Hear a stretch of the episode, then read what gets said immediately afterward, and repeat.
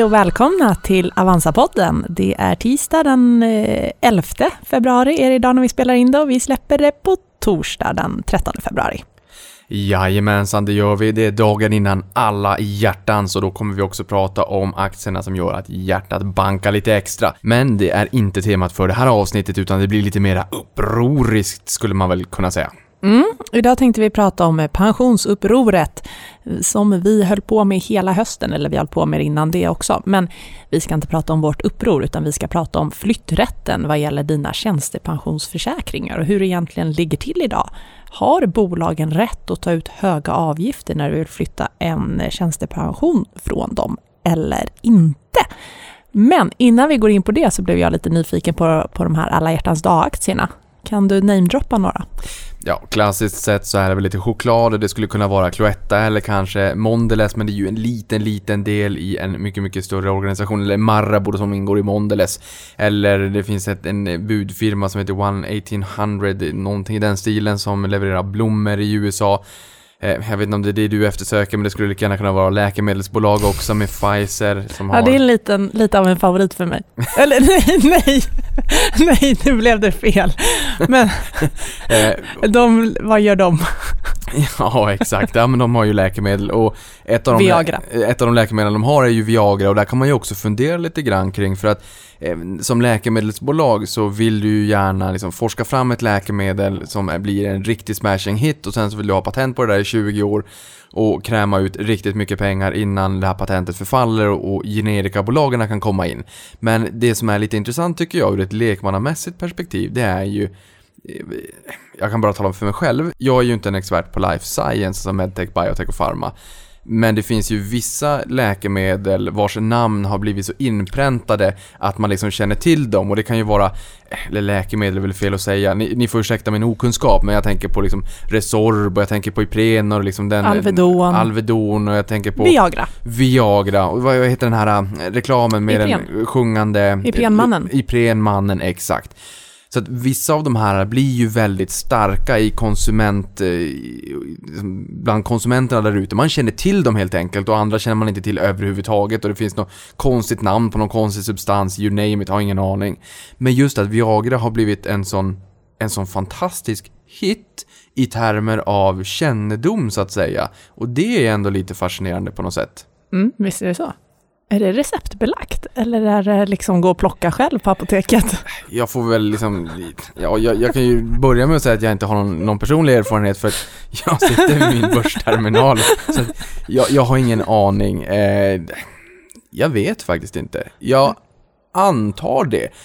För jag kan tänka mig att det finns liksom lite tråkiga sidoeffekter. Om man knaprar för många. nej, gud, vi måste gå vidare. Vi kan inte upprätthålla oss vid Viagra-träsket. Nej, nej, nej, det kan vi verkligen inte göra för att det här avsnittet kommer gå ut till många av våra kunder också. Självfallet till er lyssnare, men vi vet att det är många frågor som kommer in hos, till vår KS, vår kundservice alltså. Om Viagra?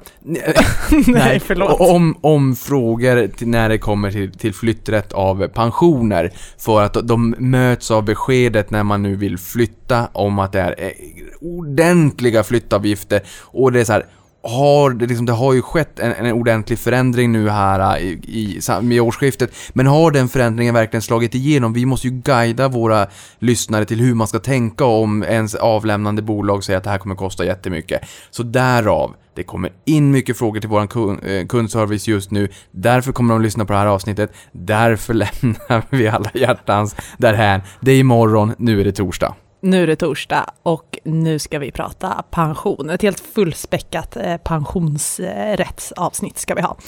Men först lite, lite snabbt den här gången. Supersnabbt. Vad har hänt i veckan, Niklas? Ja men supersnabbt, för vi uppehöll oss ganska länge på den här förra gången, men eh, nu på morgonen kom det besked om att Daimler, som då vinstvarnat de eh, tre gånger senaste året, såg sitt resultat krympa med 60% och omställningen mot elektrifierade fordon är massiv. Eh, och man kapar också utdelningen rejält för att frigöra kassaflöde för att finansiera den här omställningen.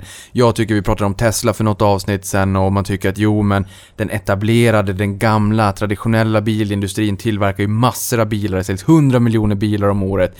Tesla sålde 360 000 förra året, ska sälja en halv miljon i år. Kolla på Tesla och, deras, och Teslas värdering kontra hur mycket bilar som säljs i de traditionella aktörerna. Eh, det här visar någonstans, som vi har varit in på, att eh, omställningen mot elektrifierade fordon kommer att kosta mycket pengar. Daimler är ju ett stort bilmärke med Mercedes, men det är också världens största producent av lastbilar. Eh, det vittnar någonstans om att den här omställningen, det måste göras. Vissa går in mot hybridmodeller för att man vill krama ur och få kassaflöden för att finansiera, man vill ha in pengar från den gamla industrin, förbränningsmotorerna för att direkt kunna chippa in inte i form av utdelning längre förmodligen, utan in i forskning och utveckling på den nya omställningen mot, mot elektrifieringen. Men skulle du behöva göra ett clean cut direkt från det, det fossila eh, förbränningsmotorn direkt in, in i, i elbilsvärlden. Eh, nu är det ju inte så. Men det hade varit väldigt jobbigt och jag tycker den här morgonens nyhet vittnar om att den här omställningen kommer ta lite tid. Och sen var det ju Volvo och Geely också. Mm. Eh, att de överväger att eh, slå, slå sig samman eller slå samman verksamheterna. Eh, och egentligen så, jag menar Geely är ju redan 100% ägare av Volvo Cars, alltså Volvo personvagnar nu. Men det som de gick ut med igår i ett pressmeddelande var så att de överväger att slå samman verksamheterna och liksom ha hela, hela konkarongen, hela verksamheten börsnoterad under ett och samma namn. Lite som vi såg Traton göra här med, eh, med Scania och MAN. Eh, I, i våras var väl det ungefär, snart ett år sedan.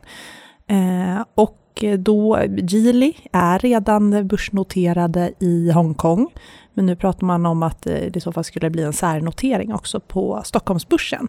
Så på så sätt så kan man ju säga att Volvo personvagnar lite kommer tillbaka eh, till svenska privatsparare och det finns en möjlighet att eh, äga aktier i det, men då får man liksom Geely på köpet. Eh, så att eh, det ska bli spännande att se.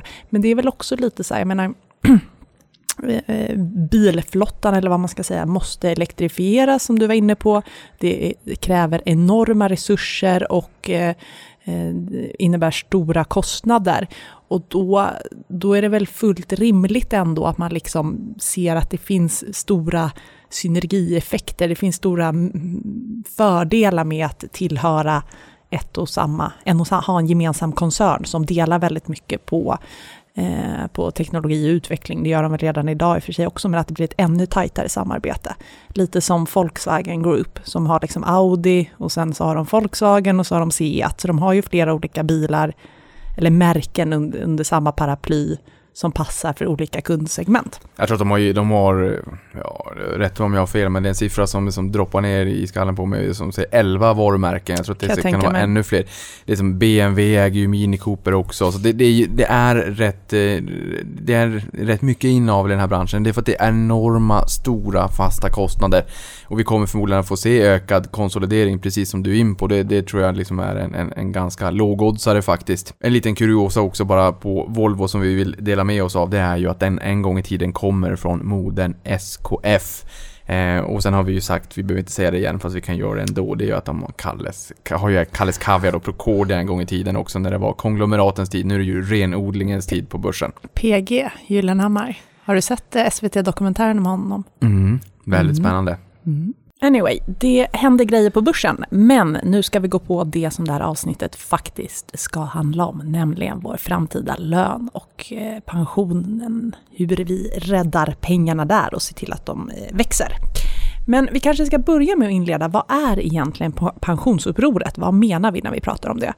Jo, men då är det som så att Avanza eh, våra olika företrädare och eh, pensionsbolag och så vidare har länge under flera års tid kämpat för att sparare, vanliga privatpersoner, ska ha rätt att äga makten över sina egna pengar. Det vill säga, har jag en pensionsförsäkring hos en aktör, ska jag ha rätt att flytta den till en annan aktör om jag kan få ett bättre erbjudande utan att det kostar skjortan.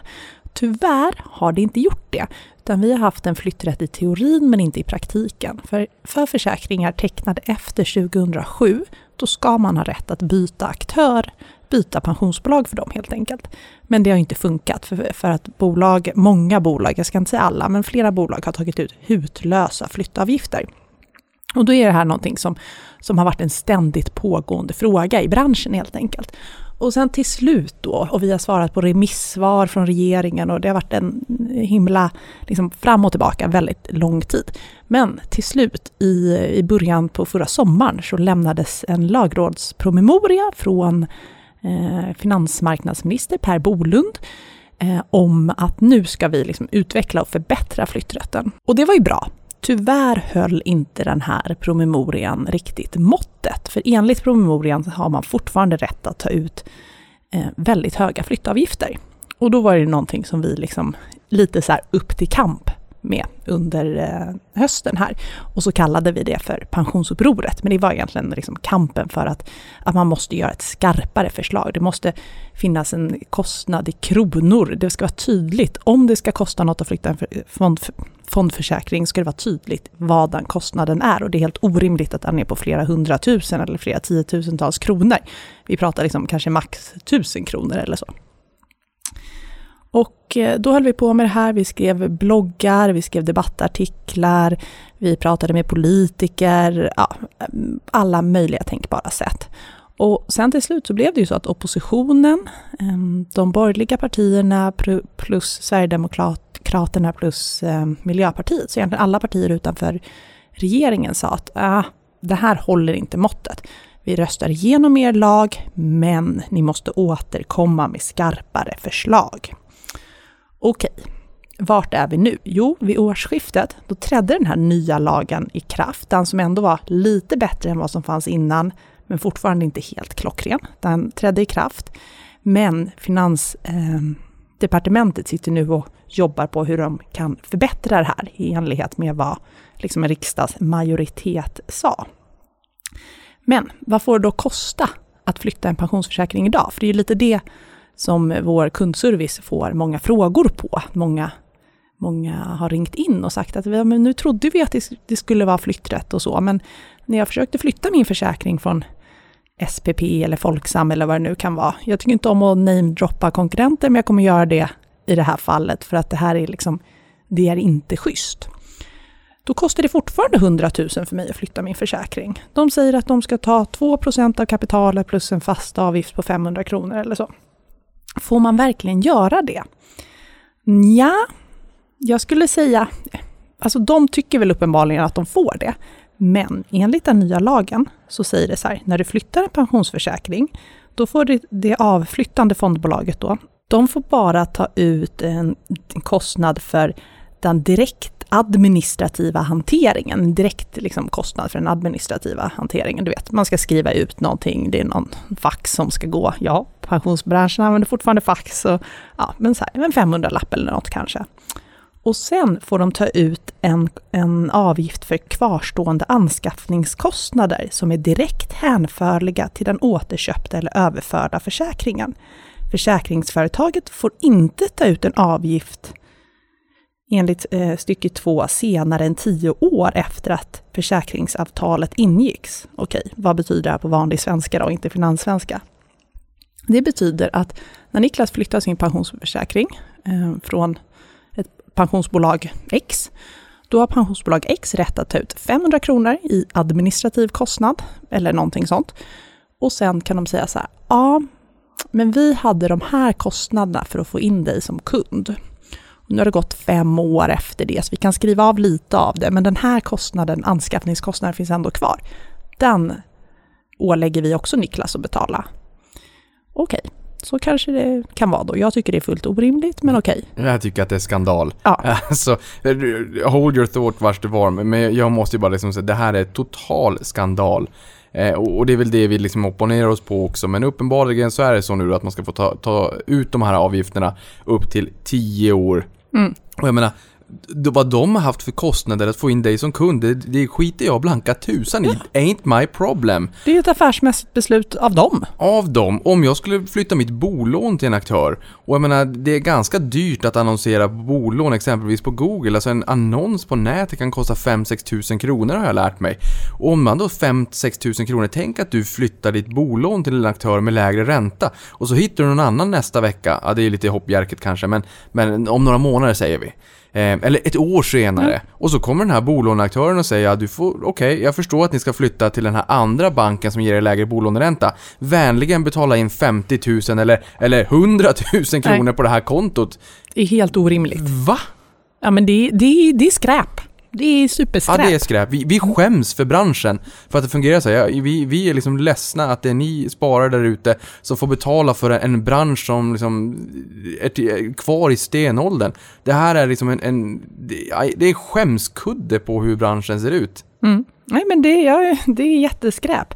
Men då har de nu, oavsett vad man tycker om den här kvarstående anskaffningskostnaden, vi tycker upp- uppenbarligen att den är skräp, men den borde ju inte vara så beroende av liksom, hur stort kapital jag har, kan man tycka. Om man nu överhuvudtaget ska ta ut den så borde det inte spela någon roll då om jag flyttar en miljon eller hundratusen eller tiotusen. För om du säger så här, du flyttade in 10 000 Ja, och, Och sen, sen- så var det en, alltså du, du, fenomenal förvaltning. du råkade köpa en enda aktie, du var Mm. en högriskare, du köpte en aktie och vi, vi leker med tanken att man, att man fick köpa aktier i den här, en fondförsäkring säg. Och den gick upp till en miljon kronor. Mm. Då kommer flyttavgiften vara flera gånger din initiala kapital, alltså din, Ja. den initiala slanten du flyttade till dem. Ja, för de tar ut eh, procent. Alltså de tar fortfarande ut procent av kapitalet, många bolag. Typ SPP, typ Folksam. Jag kommer hänga ut dem här nu för jag tycker det är så himla dåligt. Då bara, nej men den är tecknad för mindre än fem år sedan, då ska vi ha 2 procent av kapitalet när du flyttar. Det, det, det, det hänger inte ihop, det, det är orimligt, det finns ingen logik bakom det. Och det är rent och skär, alltså det är inte kundvänligt för fem öre. Ja, det är ju för att sätta konkurrens, eh, konkurrens, eh, konkurrensen ur spel helt enkelt. Man vill skapa vallgravar. Ja, vi har en flytträtt, man får flytta, men vi tar så höga avgifter att i praktiken, till skillnad från teorin, så kommer inte folk vilja flytta när de ser 10, 15, 20, 30, 40, 50, 100 000 kronor för att flytta. Det finns dock en problematik med det här också. Och det är ju när man på stan går till sin bank och får en bättre bolåneränta på 10, 15, 20, 30 punkter om man flyttar sin tjänstepension. Och jag är helt övertygad om att alla de människorna som blir glada över att man får en lägre boendekostnad idag inte ser vad som händer och vilka avgifter man exponeras för. Dels att man flyttavgift på, på massor av pengar. Sen kanske man flyttar in pengarna i en lösning som har en skalavgift som ligger och skär pengar för, för resten av livet fram till man går i pension. Bolånet tenderar att minska över tid i takt med amortering och ditt sparkapital tenderar att öka i takt med tiden. Så att du, du byter liksom, du byter bort en lägre avgift på en skuld som kommer minska mot en skalavgift på ett kapital som kommer öka. Det är en katastrofdålig affär eh, långsiktigt. Det, det, ja, det är jätte, jättedåligt. Men åter till det här fula med att man inte får flytta. För Det jag var en utsvävning. Ja, det där var en utsvävning som ack så viktig. Men, eh, men eh, jag fick mejl från, från en kund mm, som berättade så här att ehm, han och hans fru hade löneväxlat sedan 2014 eh, och de hade fått en tillväxt om 3% på pengarna. Eh, det är liksom, ja, det är skräp. Eh, det är skräp, visst, det var inte ren aktiefond, men, eh, men det kanske ska vara snarare liksom eh, Blandfond har under samma period gett um, upp mot 9 procent, eller 5, 7, 5, till 9 procent. Eh, och de har fått 3 procent per år. Och då tänkte de så här, ah, men okej, vi vill ju ha lite guldkant på vår pension och därför har vi eh, löneväxlat nu sista åren innan vi går i pension. De var värda 300 000 kronor. Och då får de reda på att, eh, men då sa de så här, vi kollar vad det kostar att flytta. Nej, då fick de först besked att det skulle kosta 2% av hela kapitalet. Sen fick de ett nytt brev som sa så här, nej, nej, nej, nej, nej, nej, förlåt, vi hade fel, eller vi skrev fel, det ska kosta 3% av hela kapitalet. Tjing tjong. Kul. Eh, 3% av hela kapitalet. Och då bara, men hur är det ens möjligt? Det har alltså blivit dyrare än vad det var innan den här, eh, innan den här lag, lagen gick igenom. Eh, så fick de inget svar på det och sen sänktes det igen till 2% av kapitalet. Poängen är ju fortfarande att det skulle kosta tiotusentals kronor att flytta den här försäkringen, vilket är helt orimligt. Och eh, sen var det en annan kund som hörde av sig och hade flera miljoner faktiskt eh, hos SPP. Eh, och han ville flytta dem. Eh, och då säger SPP att ja, okej, okay, do it, men vi ska ha 107 000 kronor i flyttavgift för det. För att du ska flytta dina fondförsäkringar. Alltså det påverkar inte någon annan aktör hos det bolaget eller så. Det är inte någon annan sparare som, som drabbas av det. Eh, utan ja, det är ren och skär flyttavgift. Och man kan ju inte säga att det är jobbigare för, ett, för pensionsbolaget att flytta en försäkring som är värd 4 miljoner än en som är värd 40 000. Utan det här är bara ett sätt att kräma ur. Ja, exakt. Och det är ett sätt att sätta den här konkurrensen ur spel. Och här ska vi säga, det här är ju inte kollektivavtalade pensioner, utan just individuella tjänstepensioner så att säga, som, eh, som det är lite vilda västern kring. Och det här har liksom slagit skruv för att vi, vi blir väldigt förbannade när det fungerar på det här sättet. Och det är någonting som i slutändan spararna där ute får betala för. Eh, och det är kostnader och avgifter som man inte riktigt, man vet inte riktigt vad det gör över tid. För man tycker att ja, men den här lilla avgiften, den ser så gullig ut på 0,6% om det är en skalavgift den gör ingenting. Nåväl, okej, okay, men då står jag ju faktiskt beredd att faktiskt flytta det här, för jag får ju flytta om den mm. tecknad efter 2007. Och som du är in på då, ja okej, okay, men då sätter vi de incitamenten ur spel genom att ha de här extremt chockartade flyttavgifterna, både i procent och i kronor och ören, vilket gör att man, man även gör att folk kanske inte vill flytta av den anledningen. Sen är det ju på andra sidan bordet då, när man vill ha lite lägre bolåneränta och man vill flytta pensioner och man tänker inte så mycket på det. Eh, jag tror vi båda har varit i de situationerna, vi vet hur det är, det börjar vara slutet på ett rådgivningsmöte, man, man har kommit eh, fram till liksom att man ska få en, en bra bolåneränta, man öppnar upp konton, man har det ena, man har det andra. Liksom, nu var det bara de här pensionerna klara, det ska signas lite papper och sådär. Eh, men sen tänker man kanske inte riktigt på, man orkar inte läsa igenom allt, vad, vad, vad gör det här faktiskt? Så att jag tog ett jättesnabbt räkneexempel här, att om du har ett lån på 3 miljoner och sen får du ner bolåneräntan 20 punkter, alltså 0,2 procentenheter. Det är ju 6 000 per år. Det är ju ändå ganska trevligt. Det kanske skulle kunna vara mer, men ändå trevligt. Man tänker så här, ja, 6 000 kronor. Det är ju 500 spänn i månaden före skattereduktion. Vad skönt gumman, vad ska vi göra med de här pengarna? Det blir en extra utgång, ut, middag en gång i månaden. Eh, men om man då flyttar in, säg en pension eh, med en, en halv miljon i kapital och 3 000 kronor i månaden i löpande sparande, det är inte orimligt. Och sen säger vi att det är 25 år kvar, det är en 40-åring det här. Det är inte orimligt alls. Tvärtom. Om vi då räknar med en skalavgift på 0,6% att vi flyttar in det här i en lösning som har skalavgift, för det kan ni ge tusan på. Ni flyttar in det till en skalavgift i 9 fall av 10. Då är det 626 000 kronor som bränns bort fram till pensionering. Och då ska vi inte glömma bort att du förmodligen inte tar ut alla pengar vid 65. Många tar ut tjänstepensionen under 5 år, men det skulle lika gärna kunna vara 10, 15 och 20. Eh, plus att dina pengar förmodligen kommer landa i deras fonder också. Mm. Så att ställ liksom 6000 på ett bolån som minskar över tid med 600 000 i ökade kostnader från idag och fram till pensioneringen. Det är lätt att tycka, ah, pensionen, det är imorgon, jag orkar inte bry mig. Det här är en besparing idag, därför värdesätter jag den mer. Men tänk en gång till. Mm. Alla produkter ska leva på sina egna meriter, kan väl vara en bra sådär eh, medskick att ha med sig helt enkelt.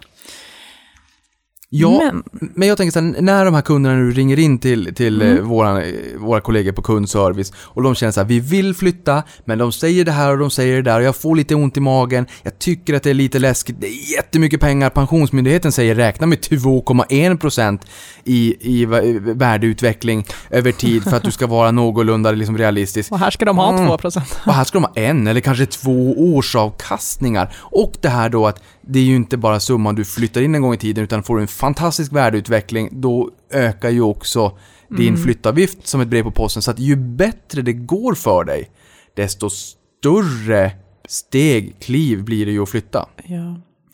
Hur, man, hur ska, vad ska vi säga till dem? Jag, jag, tycker man ska tänka så här, först ta reda på vad som gäller från just din aktör. Det, det måste de ju meddela om man begär en flytt. Eh, och då kan man se att vissa har ju faktiskt eh, Handelsbanken, kan vara Nordea eller också, eller var det SEB? Ah, okej, okay, jag ska inte ge... Ja, Handelsbanken kan jag cred i alla fall. Eh, har ju tagit bort flyttavgifter, har bara någon administrativ avgift. Eh, så att det, det, finns ju liksom aktörer som faktiskt har tänkt till och bara, men okej, okay, vi måste vara kundvänliga och gjort det väldigt bra nu.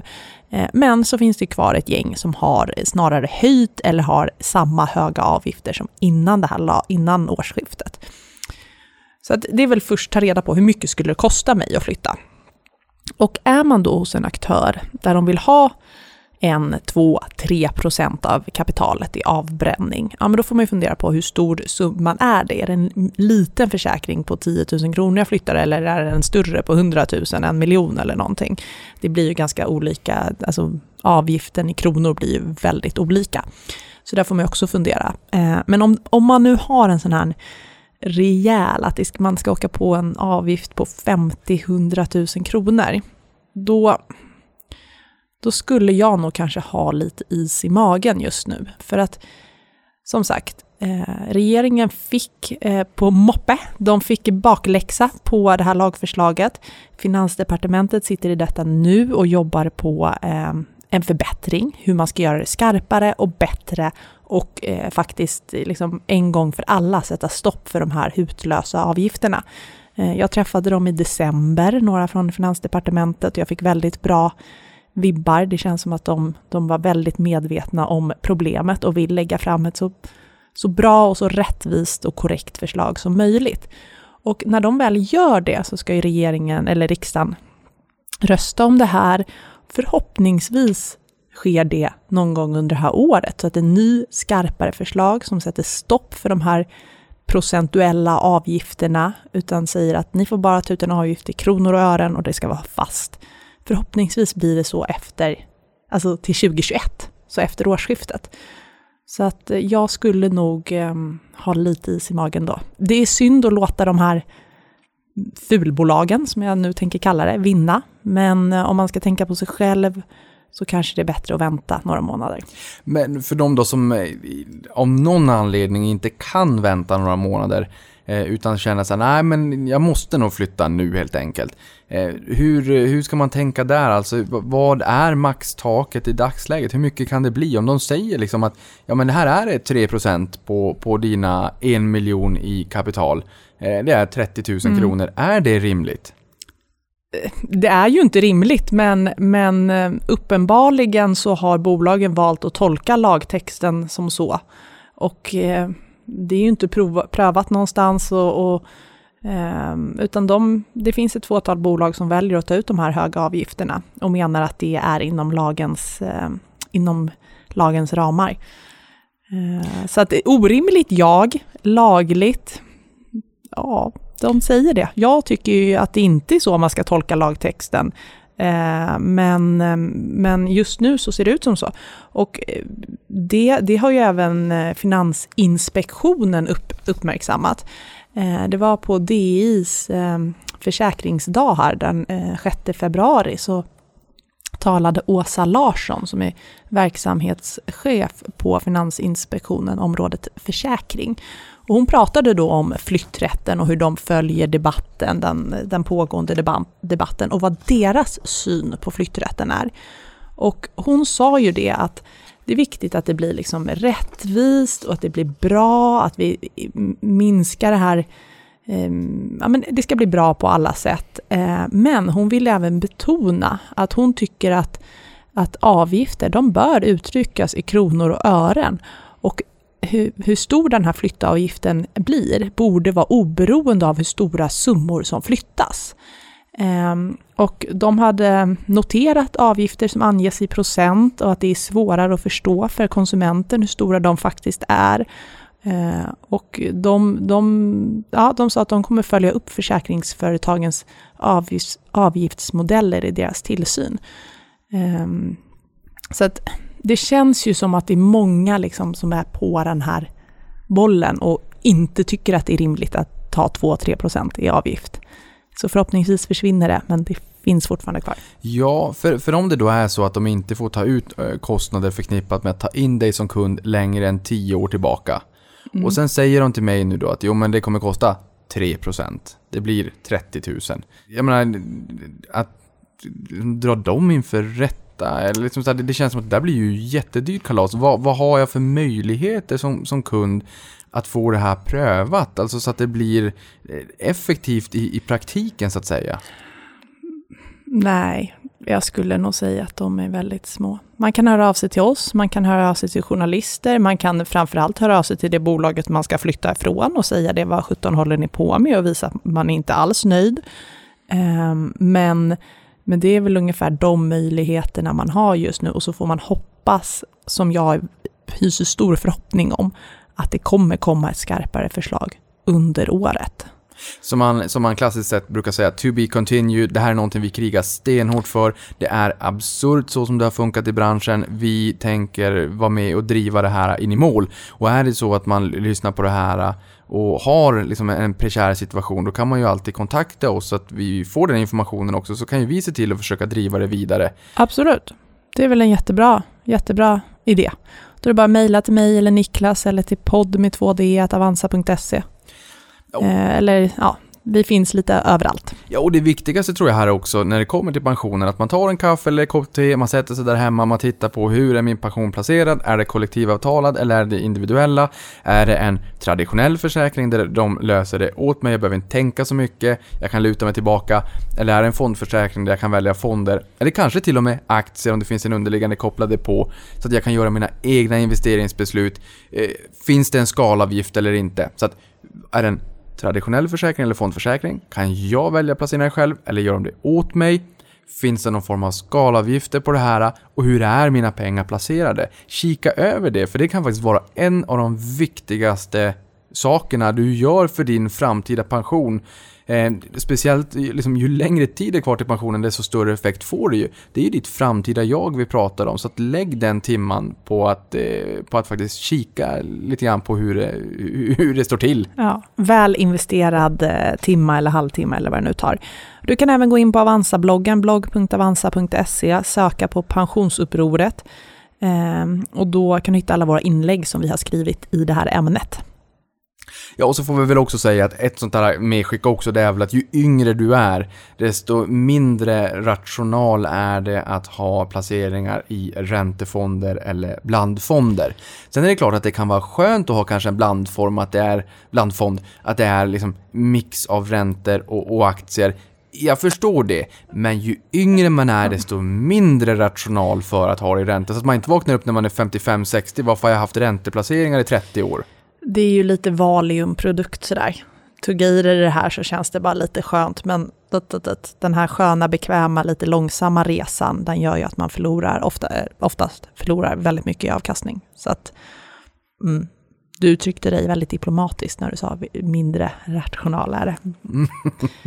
ja, det är, ja precis. Man, man, ska våga ta risk med pengarna. Risk och avkastning hör ihop. Står du och trycker i hörnet på mellanstadiediskot så kommer du aldrig liksom skåra hem den där sista dansen.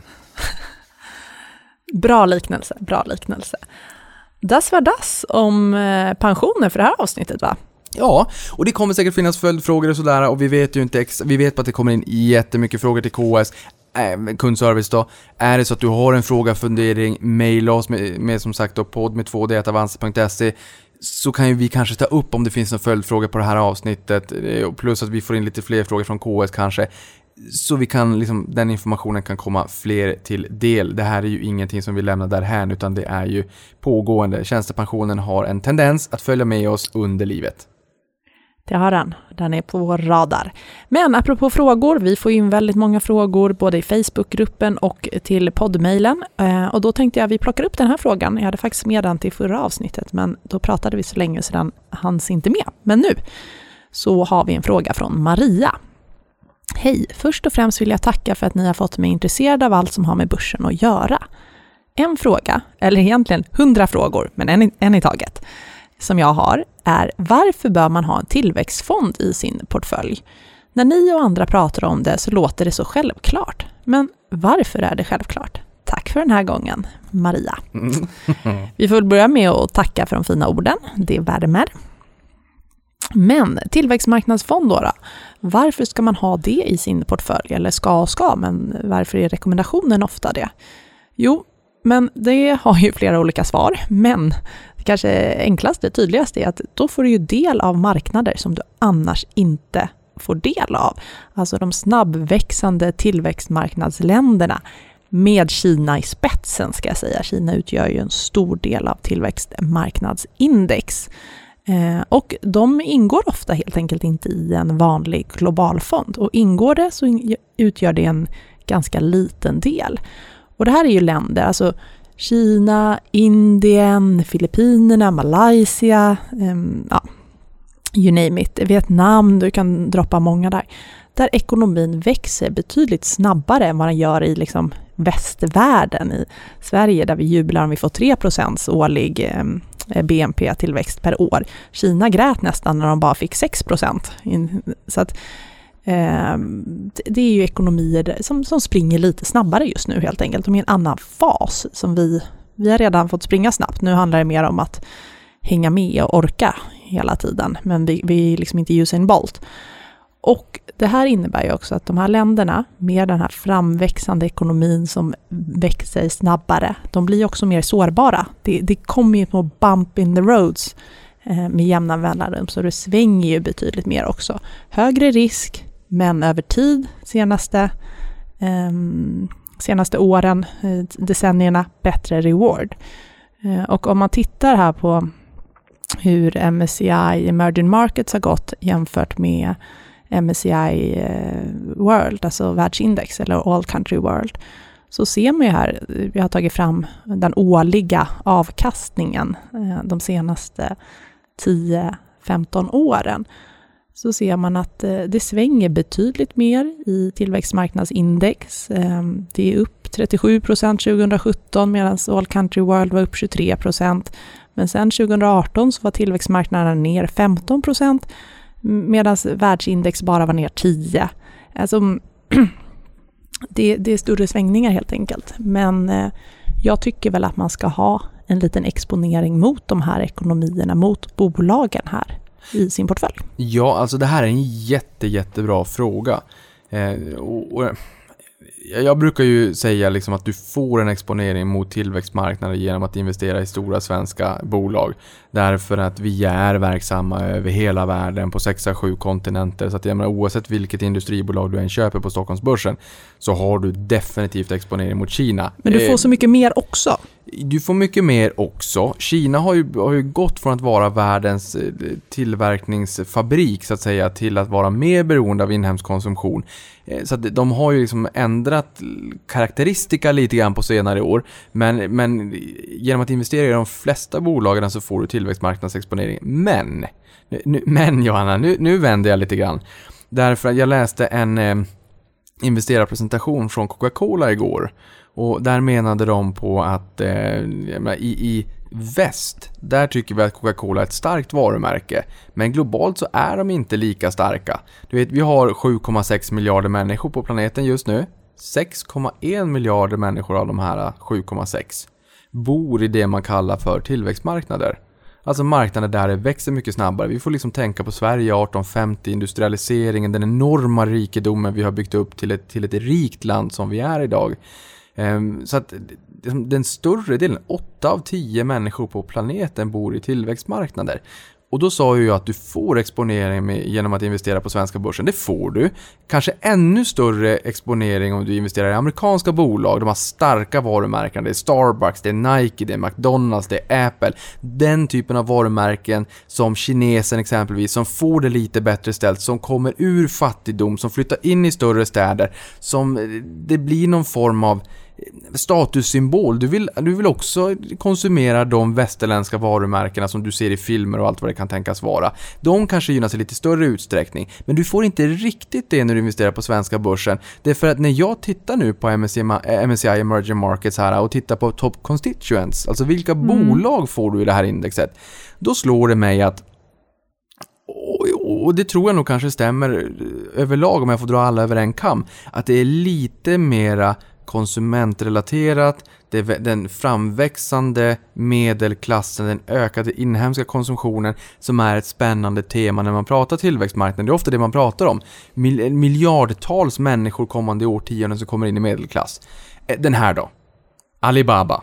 Mm. De har ju liksom, nu börjar, nu har ju betalmarknaden i Kina har ju precis här efter eh, fas 1-avtalet mellan USA och Kina börjar öppna upp sig så att Visa, Mastercard, American Express kan gå in i en marknad värd 27 000 miljarder dollar. Det är stora rörelser.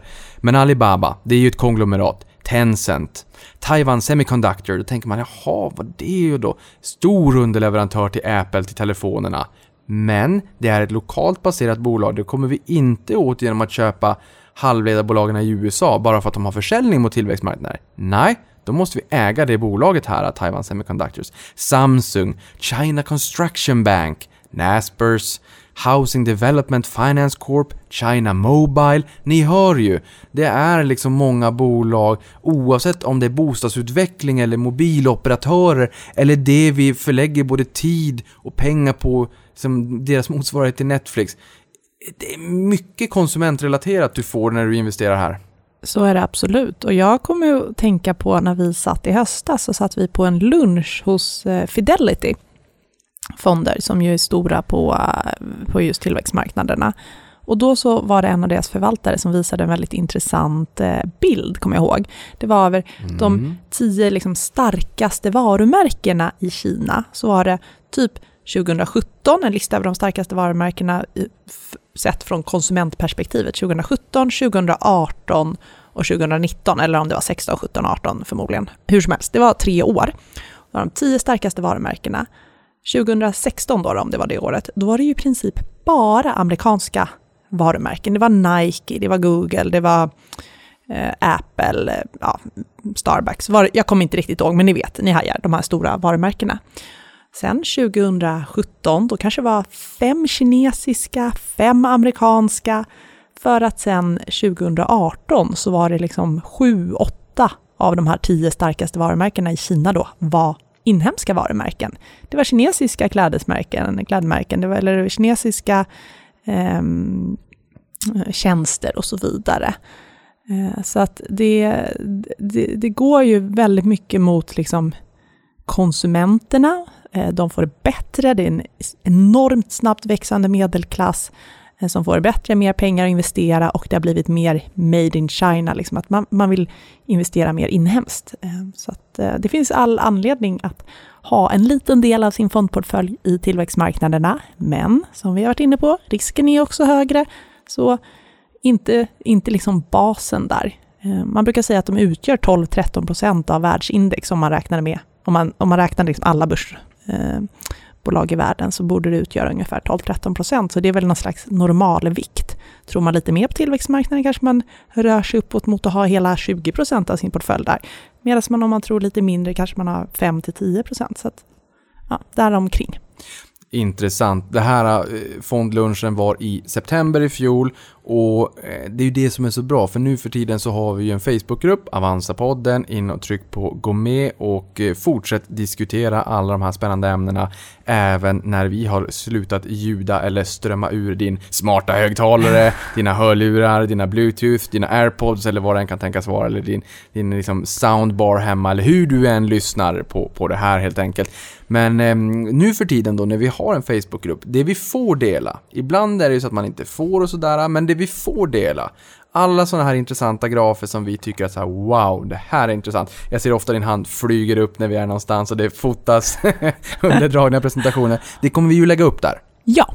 Som sagt, om vi får för, för de, de vi gästar så att säga. Men vi vill ju dela med oss, inte bara av våra ljuva stämmor här i podden, utan även intressanta grafer ja. som vi äh, samlar in på, på stan när vi är ute och spanar. Ja, vi får eh, gå tillbaka till eh, foto, fotorullen, eller vad säger man, katalogen, foto vad säger man i iPhone? Fotoalbumet? Jag, jag har kvar den där presentationen. Ah, ah, ja, men så då... jag, jag, skulle kunna leta upp den där faktiskt, för den är väldigt intressant det här med varumärkena och hur, hur, pass, hur pass starka de kinesiska inhemska varumärkena mm. faktiskt har blivit. Så att, vi... vi försöker hitta den bilden och lägga ut i Facebookgruppen, om vi hittar den. Helt enkelt. Ja.